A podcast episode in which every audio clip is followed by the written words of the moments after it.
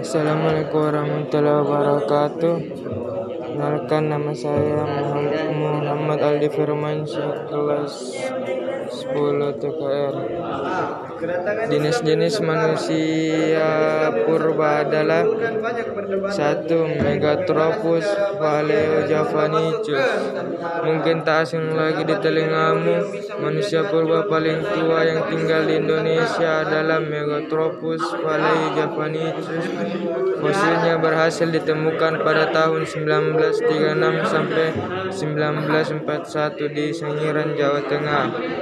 Mereka memiliki ciri fisik yang cukup berbeda dengan manusia purba lainnya. Dalam daftar ini, dari fosilnya berikut ini fitur tubuh Megatropus paleojavanicus yang diprediksi para arkeolog.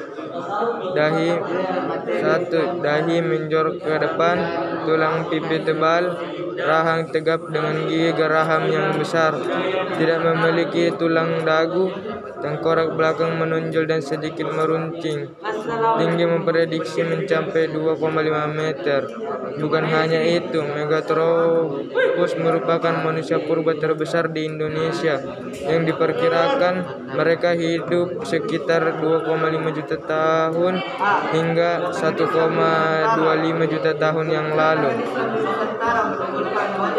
Yang kedua, Pithecanthropus mojocartensis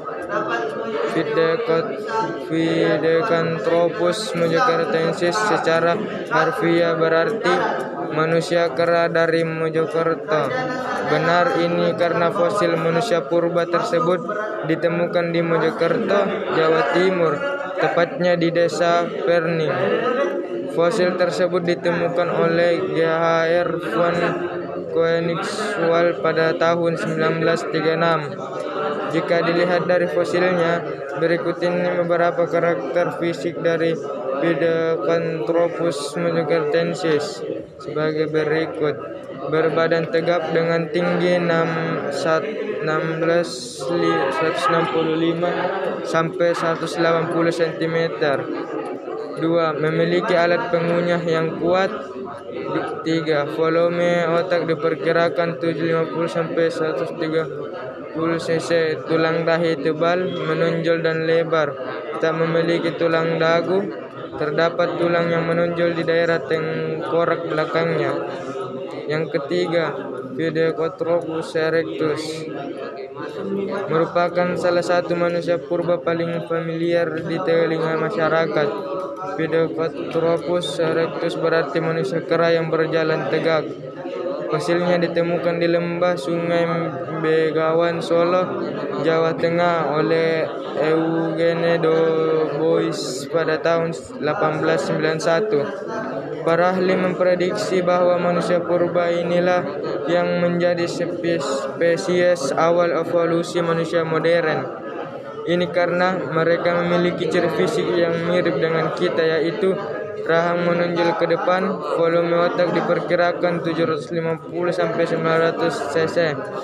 Hidung lebar dan tegap, terdapat tonjolan di dahi, tubuhnya lebih kecil daripada Pithecanthropus mojocartensis dengan tinggi 160 sampai 180 cm, tidak memiliki dagu. Yang keempat, Pithecanthropus solensis.